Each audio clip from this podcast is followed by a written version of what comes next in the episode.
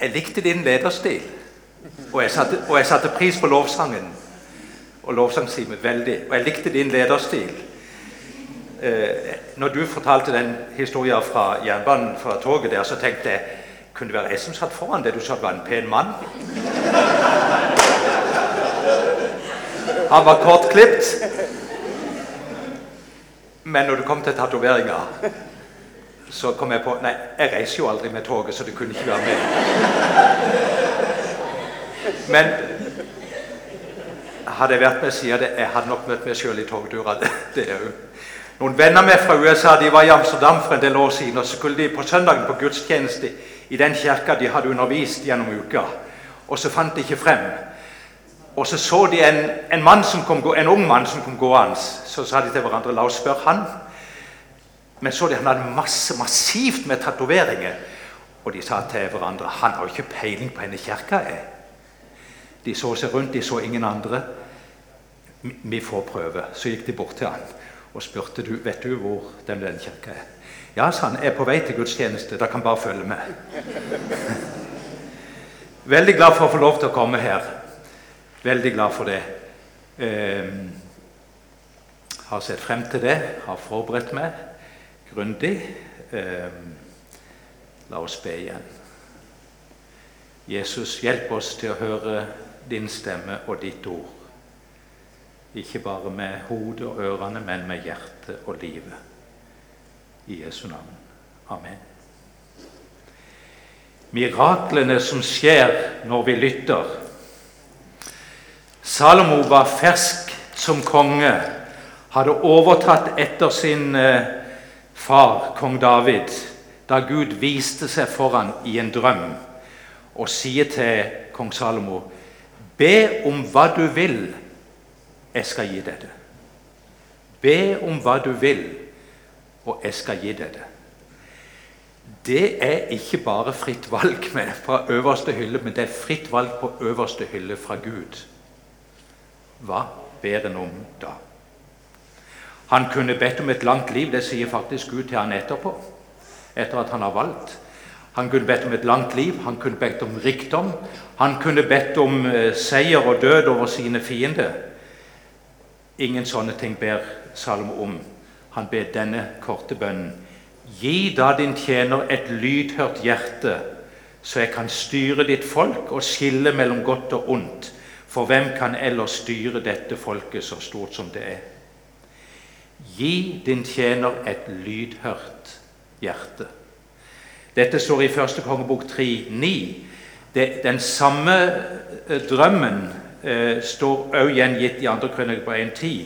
Og der er det hans bønn gjengitt med andre ord Gi meg nå visdom og forstand. Gi meg visdom og forstand. Og så vet vi jo det at eh, i Bibelen omtaler Salomo som den viseste og klokeste av alle mennesker etter denne, denne bønnen. Og hvem av oss trenger ikke det samme?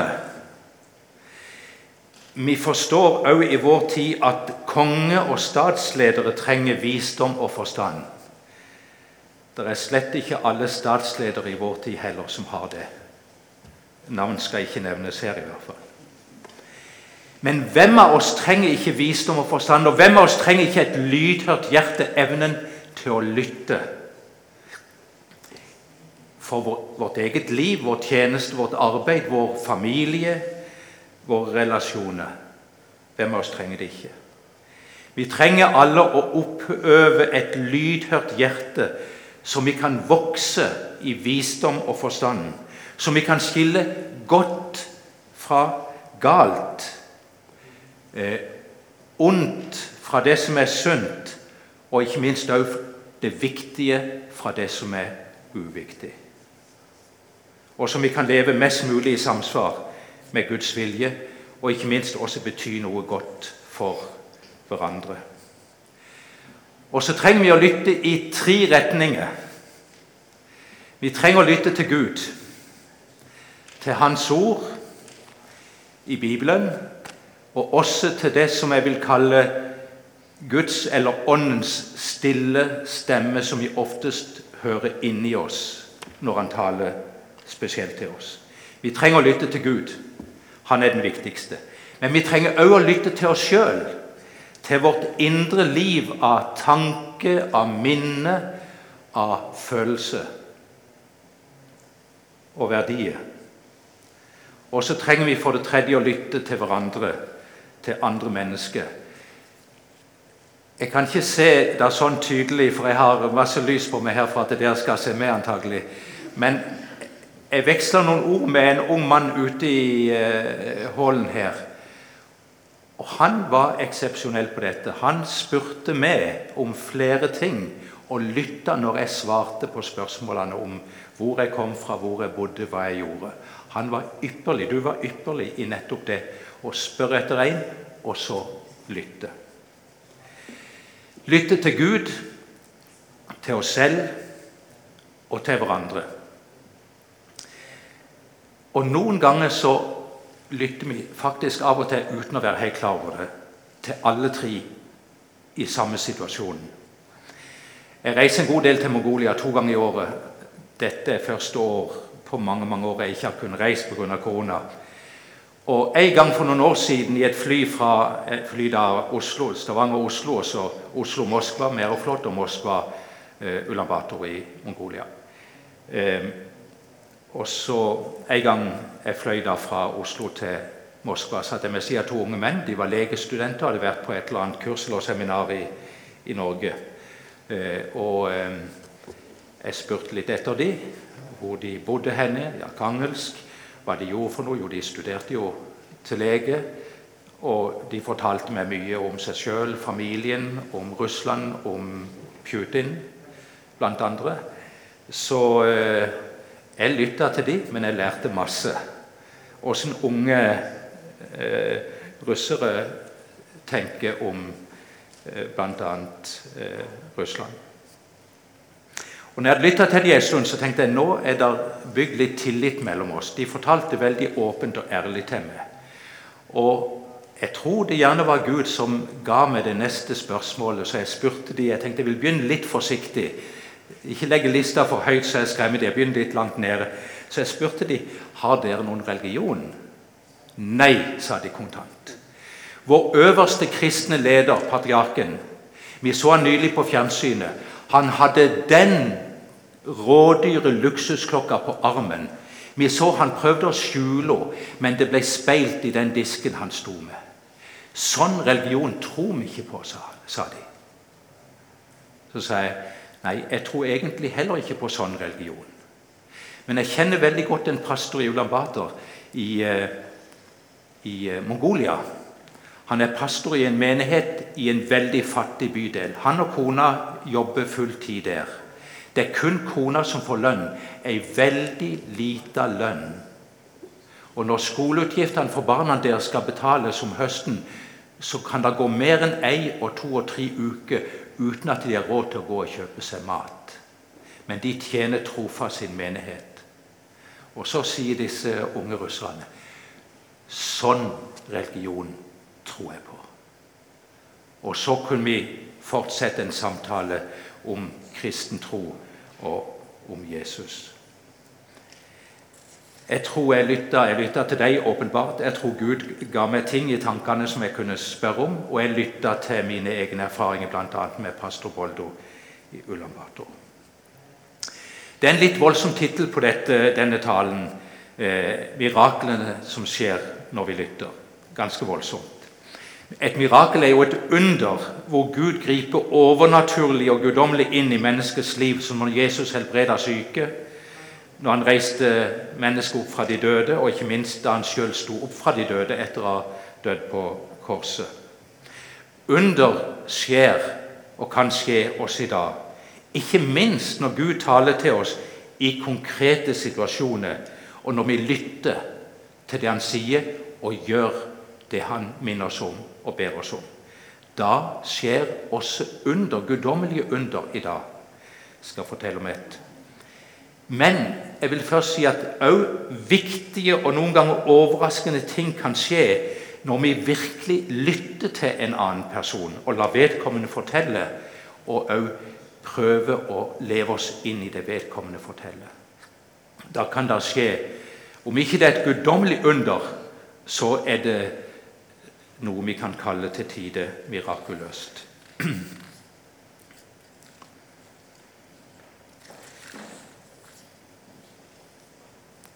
Å lytte til Gud, lytte i tre retninger. Lytte til Gud. Ingen er viktigere å lytte til enn Gud. Han er, og han har, og han sier alltid sannheten, som er udiskutabel. Jesus sier om seg selv 'Jeg er veien, sannheten og livet'.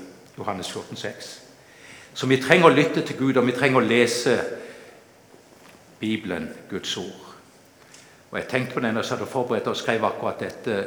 Og mye dårlig samvittighet har vi for at vi ikke leser Bibelen daglig, og for at det kan gå mange dager mellom hver gang. Er det noen tro som har dårlig samvittighet? Ingen her. Jeg tror vi har kjent det, noen hver av oss. Nå er jeg blitt en godt voksen og en eldre mann. Og det er egentlig først i mine godt voksne dager jeg har fått orden på det, fordi jeg bestemte meg for at nå vil jeg, nå vil jeg trosse den fristelsen til å droppe det.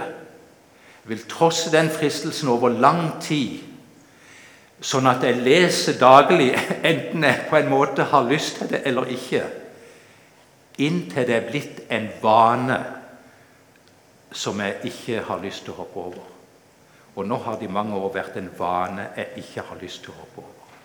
Det er ytterst sjeldent, kanskje én gang eller to ganger i løpet av et år, at jeg av en eller annen grunn ikke leser Bibelen. Òg eh, når det gjelder Guds ord, så trenger vi innøve vane, lage et mønster. Og det tar tid. Det må gjøres systematisk over en god del tid. En måned, to daglig, for at det skal bli en vane som ringe inn i det hver morgen eller hver ettermiddag, alt etter når det du setter deg ned, ønsker å sette deg ned med Bibelen. Jeg oppmuntrer deg til det. Eh, så vi trenger å lære å ta, oss, ta til oss av Guds ord, så vi kan øke vår kunnskap om Gud, om oss selv, om verden, om livet om Guds vilje med oss. Og En viktig ting til med å lese i Bibelen, det er at da lærer vi mange bibeltekster og bibelord. Og vi får et stort register som Den hellige ånd kan trykke på i konkrete situasjoner når han vil minne oss om noe spesielt. Så jeg oppmuntrer deg til å få inn et så stort register som mulig, så Den hellige ånd har mye å trykke på og kan lede deg i hverdagen, i livet ditt. Vi trenger å lytte til Åndens stille stemme. Han taler til det, ønsker å tale til det og minne det om ting. Ofte i veldig konkrete og ofte i viktige situasjoner. Og Den hellige ånds stille stemme taler alltid i samsvar med Guds ord. Aldri, overhodet aldri i strid med Guds ord. For ca. 40 år siden så eh, fikk min far en dødelig sykdom. Og Både han og vi visste at han kom til å dø eh, og, eh, av sykdommen, og han var ikke frelst. En bror av meg prøvde å gi han, vi, vi ba selvfølgelig for han om at han måtte bli frelst, vi ba også om helbredelse for han. Og En bror av meg prøvde å gi en andagsbok, men bror min fortalte meg, ringte meg når han hadde prøvd det, og sa han kasta andagsboka i veggen og ville ikke ha den i det hele tatt. Så Noen uker etterpå var jeg på en kristen konferanse dette var i Kristiansand, var jeg på en kristen konferanse i Kristiansand der min far var på sykehus. da. Og når jeg, når jeg gikk inn i konferansehallen, så var det et stort bokbord. Og Da syns jeg å høre Åndens stille stemme si til meg du skal gå bort til bokbordet og du skal kjøpe ei bok til din far. Og det var bare kristne bøker. Og da vet Vi kan være bedrevitere av og til i forhold til Gud også, så jeg sa i tankene til Gud det er ingen vits å kjøpe kristen bok til far. Du vet hva han gjorde med andagsboka min. Gud ga seg ikke. Så jeg gikk bort til bokbordet og sa jeg kan give it a try. Og det var masse bøker. Jeg var ikke i tvil. Det var en bok som heter 'Jeg er fri' av presten Hans Christian Lier. Jeg hadde ikke lest boka, jeg kjente ikke til henne i det hele tatt. så det, kom, det, var, det, det, kunne for min del vært like mye andre bøker. Men det var helt tydelig Gud ville jeg skulle kjøpe den boka til far. Av presten Hans Christian Lier. Og da igjen protesterte mot Gud og sa, far, sa Gud, du vet at far hater prester. Gud ga seg ikke, heldigvis. Jeg kjøpte boka, og de hadde ikke mange bæreposer, men jeg fikk én av de de hadde. For jeg visste ikke om jeg vågde å gi den til far. Så jeg la boka, kjøpte boka la henne i bæreposen. og så Etter møtet gikk jeg opp på sykehuset til far. Og jeg tok ikke heisen. Jeg tok trappene, for jeg trengte tid. Og jeg var nervøs for fars reaksjon hvis jeg kom til å gi boka. Far sitter på røykerommet. Jeg setter meg ned hos han. Det er ikke nødvendig å røyke på et røykerom. Der får du det inn uansett ufrivillig. Og så, så, spurte far hvor jeg hadde vært henne. Så sa jeg hadde vært på det og det møtet. Og så spør far Kjell, han der presten Hans Christian Lier, var han på det møtet? Og jeg så jo det grønne lyset blinkte til de grader med en gang. Vi har aldri prata verken om den presten eller andre prester. Så jeg, ja, faktisk, han var på det møtet, men han er ganske alvorlig syk, og det kunne ses på han. Så sier far den presten har jeg stor sans for. Jeg så han på fjernsynet, og det gjorde sterkt inntrykk på meg. Da skjønte jeg jo Gud. Så jeg tok opp posen og sa far, jeg har kjøpt denne boka av Hans Christian Lier til deg. Kunne du tenke deg å kikke på den? Ja, han tok imot den. Neste gang jeg besøkte far, så var, han kommet hjem på hjemme så lenge han kunne før han eh, måtte for siste gang på sykehus igjen. Og, eh, og Da så jeg boka lå på salongbordet mens far var ute på kjøkkenet for å lage noe kaffe til oss. Og den så ulest ut. Jeg ble fryktelig skuffa. Og så snakker far høyt fra kjøkkenet og sier, 'Kjell, jeg har lest boka, men jeg har enda ikke funnet frem til tro på Gud.' Eller tro på Jesus. Men det var jo et fabelaktig godt signal. Og Den helga fikk jeg lov til å, å be for far også. Og Så gikk det noen uker, og så tok han imot Jesus ca. en måned før han døde. Og Jeg var hos han noen av de siste dagene, og han lå og gikk ut og inn av koma. Eller av søvn, dyp søvn. Og en gang han våkna Han jo, var jo sengeliggende og svært syk. En gang han våkna opp av koma, så sier han til meg 'Kjell, så du den fine, hvite mannen som var her inne?' Så sier jeg 'Det har ikke vært noen hvit mann her inne, det er bare meg'. Tøys, sa han på sin bryske måte. Det var en fin, hvit mann her. Først stelte han så godt med meg. Så strøyk han meg over håret, og så sa han 'Kom, Alfred, nå skal vi snart gå hjem'. Og to dager etterpå så gikk han hjem til Jesus. Gud har alltid rett når han taler til oss. Det er vel verdt å oppøve våre ører og være lydhøre for Guds stemme, òg når han taler til oss i konkrete situasjoner. Så trenger vi å lytte til oss sjøl også. Til vårt indre liv av tanke og minne og verdier og følelser. Noe, mye av det vi har inni oss, er sunt og godt, men vi har alle usunne og vanskelige og òg mange av smertefulle ting inni oss. Likevel så er det beste at vi lytter til oss sjøl og tar på alvor det vi hører og det vi legger merke til. Enten det er behagelig eller ubehagelig, eh, som vi oppdager inni oss. Jeg har hatt en lang sommerferie og vært bl.a. på tur med kona mi og gått i fjellet opp med Geilo og bodd i ei lita, bitte lita campingvogn på campingplass mellom fjellturene. Og så kjøpte jeg meg ei bok av en, en, av verdens mest berømte og leste krimforfattere. Han er til og med kristen. Var faktisk i Mongolia, NLMs lokale, at jeg først leste om han i et kristent blad som var der for mange år siden. Og Jeg har lest en del bøker han, John Grisham, og jeg liker mange av bøkene hans. Kjøpte en av de siste. Fikk veldig god omtale. Den var lettlest, i og for seg spennende. Men jeg hadde, det skurra for meg. Det, det ga meg ikke glede. og Jeg håpet at når jeg leste videre utover i boka, at det ville gi litt avspenning og, og avslapping og, og, og glede osv. Men det gjorde, det gjorde, ikke det. Og når jeg var ferdig med boka, så tenkte jeg i all verden Hvorfor er jeg i et såpass frustrert modus etter å ha lest denne boka her? Og så slo det meg. I denne boka levde hovedpersonene ganske annerledes enn jeg ville anbefalt dem hvis de hadde kommet i samtale med meg. De eh, gikk på bar hver eneste dag etter jobb eller skole og drakk en god del. De hadde tilfeldig sex med forskjellige personer. De, eh, de banna. De misbrukte Guds navn. Og hovedtingen deres var å snyte andre fattige mennesker for masse penger og prøve å gjøre seg sjøl rik på det.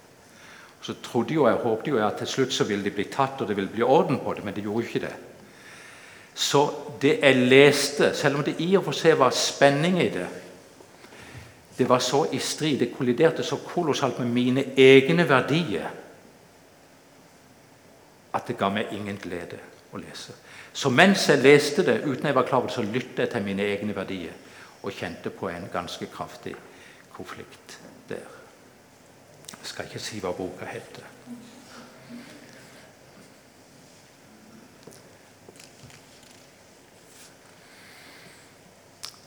Det var å lytte til oss sjøl. Anbefaler å gjøre det. Første gang jeg sjøl gikk i sjelesorg eller terapeutisk samtale hos en kristen eh, psykiater for noen tiår siden, så kjente jeg meg sjøl veldig dårlig.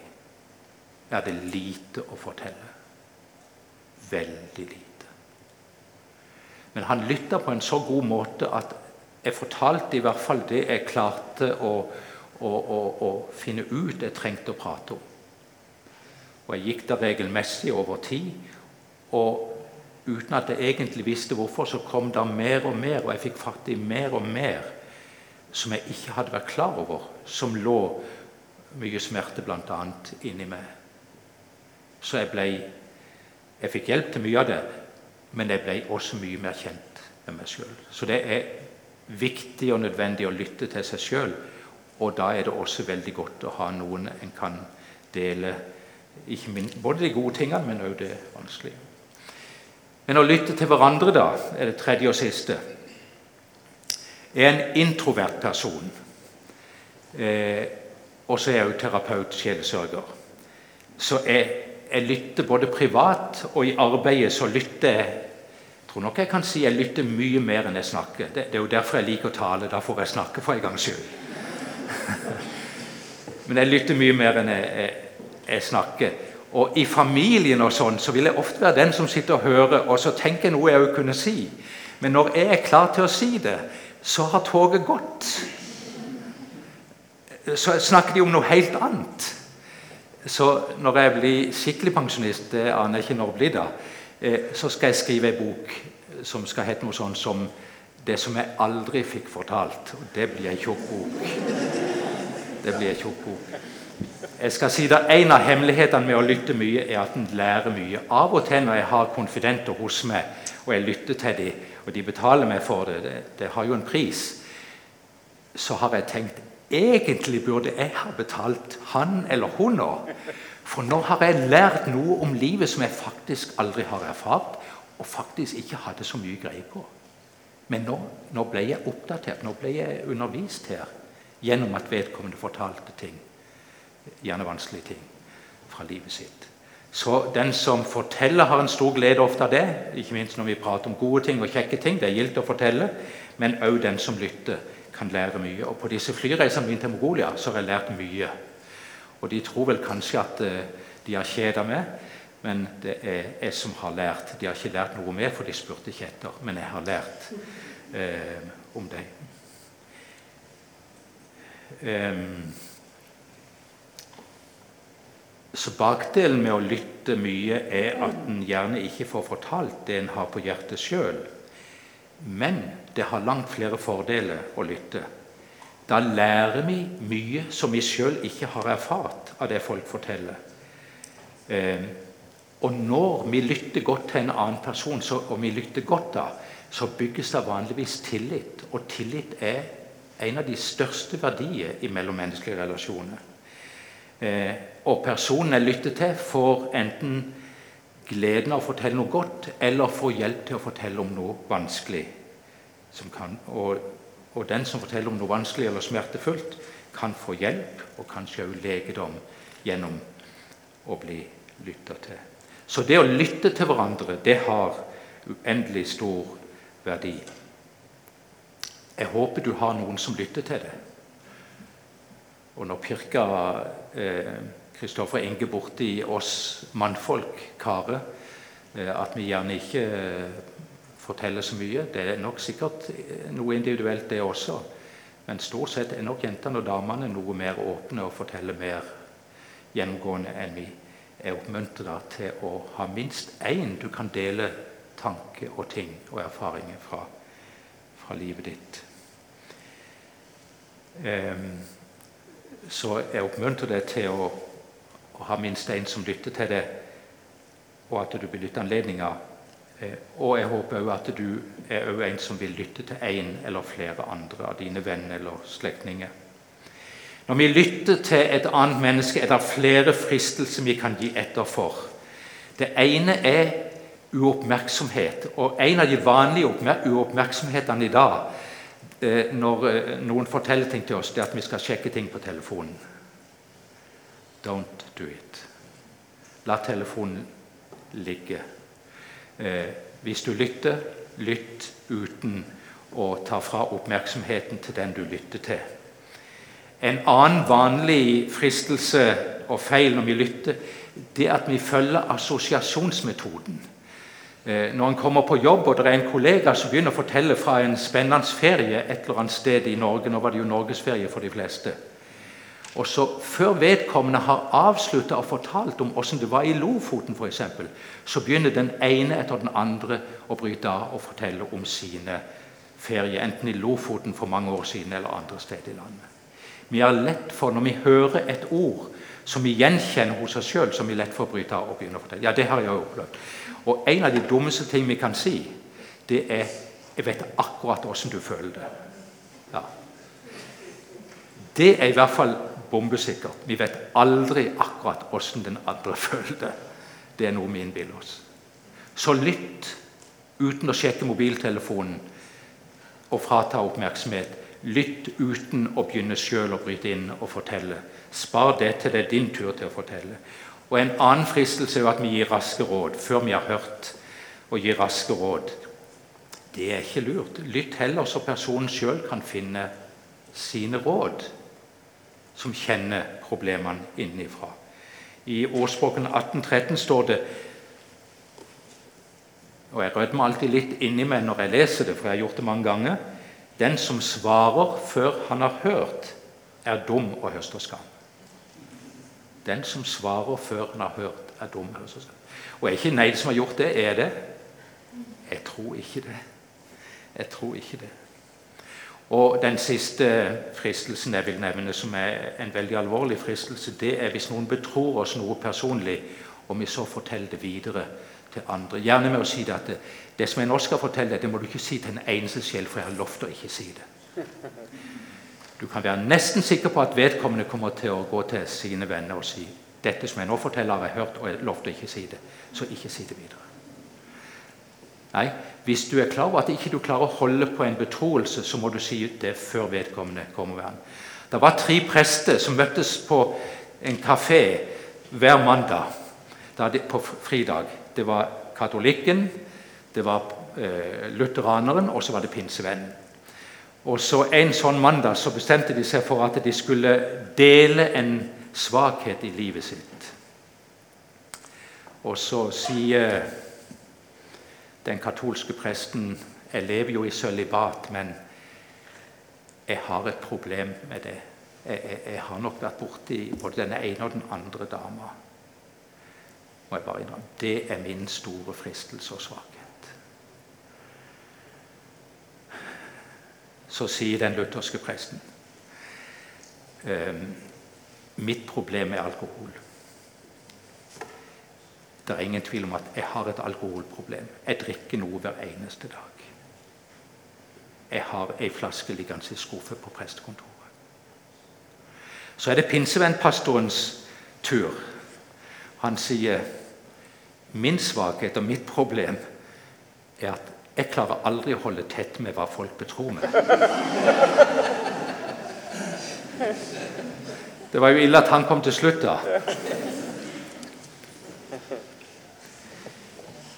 Nei, la oss lytte til hverandre.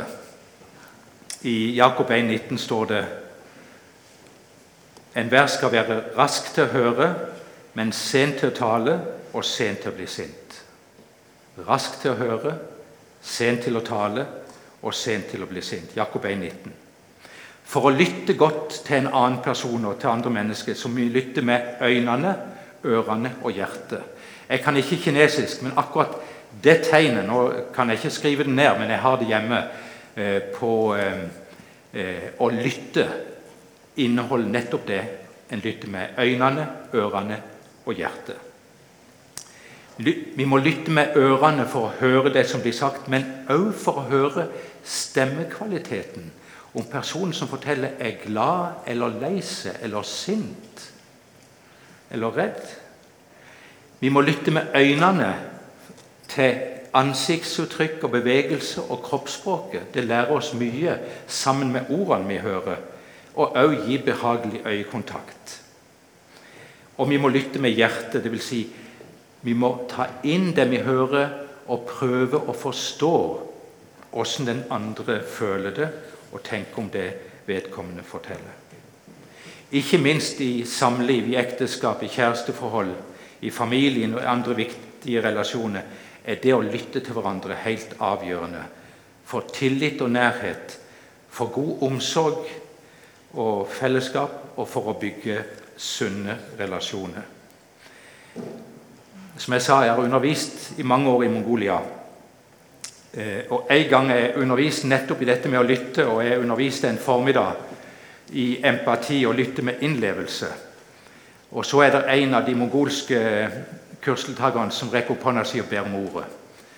Og Jeg har lagt merke til at når han sa noe, så hadde de andre stor respekt for det. Og Så sier han det til Kjell dette du forteller om å lytte med empati, med innlevelse, det har ikke vi bruk for her i Mongolia. Dere har sikkert bruk for det i Norge og i Europa, men vi har ikke bruk for det. Når vi forteller noe til noen, så vil vi ha svar og råd. Det er det vi vil ha. Og når han hadde sagt det, så klappa hele forsamlinga. Så det var veldig oppmuntrende. Men jeg spurte da likevel eh, er det greit at jeg underviser videre i dette, og så kan vi holde diskusjonen levende. Ja, han nikka, og de andre, de, når han nikka, så måtte jo andre også nikke. Så de var med på det også. Så underviste jeg videre i empati, empatisk lytting og litt med innlevelse. Og Etter pausen så spurte jeg er det en av dere som kan tenke deg å være med meg i et rollespill. Du må fortelle om et, et selvopplevd eh, problem. Og så skal jeg lytte til det med innlevelse og empati. Jeg skal ikke gi deg råd. Jeg skal ikke gi deg svar eller løsning. Og så rekker denne samme mannen opp hånda si. Så kommer han frem og setter seg. Vi sier meg her, og jeg sitter her. Og så har vi en tolk bak hver. Han snakker mongolsk, jeg snakker engelsk. Så det blir tolka mellom oss. Og når han fortalte om problemet sitt, så syns jeg faktisk synd på han. Og jeg kunne ha lyst til å gi han et råd. Tenker, hvis jeg gir en råd nå, da, har, da må jeg betale flybilletten hjem sjøl. For da har jeg ødelagt jobben min. Eh, hva jeg skal gjøre her. Så jeg gjorde ikke det, så jeg lytta til han. Og etter en god stund, når han har fortalt meg så ser han veldig trist bort meg og sier han, 'Kjell, kan du ikke være så snill å fortelle meg hva jeg skal gjøre for noe for å løse problemet mitt?' Da tenkte jeg kjapt. Prøvde i hvert fall. Og fikk et godt svar. Jeg sa til han, eh, så eh, Det er du som har kjent dette problemet og sånn som du sa det, over ganske lang tid. Det er du som kjenner det best. Ser du ingen alternativ vei til å håndtere det. Så ble han stille. Og så sa han Vel, kanskje én mulighet, sa han, og så fortalte han om det. Så sa jeg det syns jeg høres fornuftig ut. Hva med å prøve det? Så lyste han opp i ansiktet sitt, og så hoppa han opp av stolen og sa han til kollegaene sine Så da hva som skjedde her? Kjell ga meg ikke råd, han ga meg ikke løsning, men han lytta bare til meg med empati, som jeg kritiserte i stad. Så jeg sjøl oppdaget både mer av problemet mitt og hva jeg må gjøre med det. Og Litt seinere i kurset så spurte han meg, rakk han opp hånda igjen, og så spurte han Kjell, når kommer du tilbake? Så jeg kanskje om ett eller to år. Eh, jeg reiste ikke så ofte den tida. Så sa han når du kommer tilbake, så skal vi ha tatt empatibegrepet og gjort det oversatt til mongolsk. For dette trenger vi. Og når jeg kom hjem, fikk jeg en fin mail fra han hvor han skriver Ekteskapet vårt er blitt vesentlig bedre etter jeg lærte å lytte med empati til kona mi. Ja. Så vi, ikke minst i familielivet og i samlivet trenger vi å lytte, lytte til hverandre.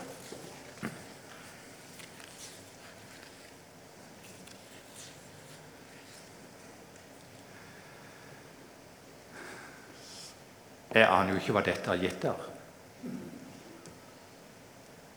Kanskje han nå tenker det ser ut som han er i ferd med å avslutte nå. Og det jeg skal avslutte med, er dette. Vil ikke du òg, som kong Salomo, be Gud gi meg et lydhørt hjerte? Gi meg visdom og forstand for mitt liv med deg, Gud. For mitt liv med meg selv. For mitt liv med de rundt meg. For min tjeneste og i mitt arbeid. Gi meg et lydhørt hjerte, visdom og forstand. La oss være stille et.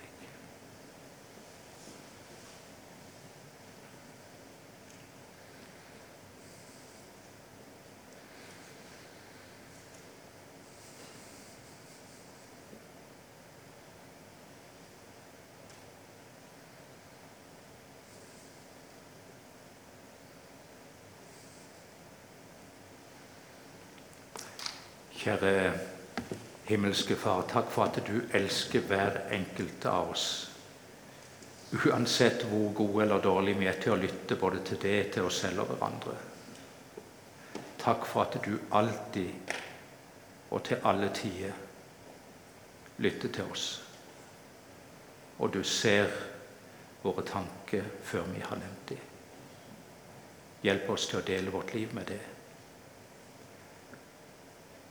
oppøve både våre ører og vårt hjerte til å lytte til det. Gi oss et lydhørt hjerte. Og gi oss visdom og forstand for livet, for kristenlivet sammen med det, for tjenesten og for relasjonene våre. Velsign hver enkelt av oss i Jesu navn. Amen.